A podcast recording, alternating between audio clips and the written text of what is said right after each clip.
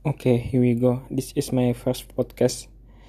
Ya, tujuan membuat podcast adalah untuk membuat saya bisa ngobrol, menceritakan apa yang saya pikirkan pada saat ini. Uh, jadi saya masih belum punya, punya teman ngobrol. Jadi setiap beberapa waktu saya akan mengupload saya monolog menceritakan perspektif saya terhadap hal yang saya ketahui yang baru saya dapatkan ilmu pengetahuan yang baru saya dapatkan pada saat sesuatu pada suatu saat tertentu. Ya ini first take. Nggak ada pengulangan nggak ada penggubahan. Ya kita mulai aja podcastnya. Here we go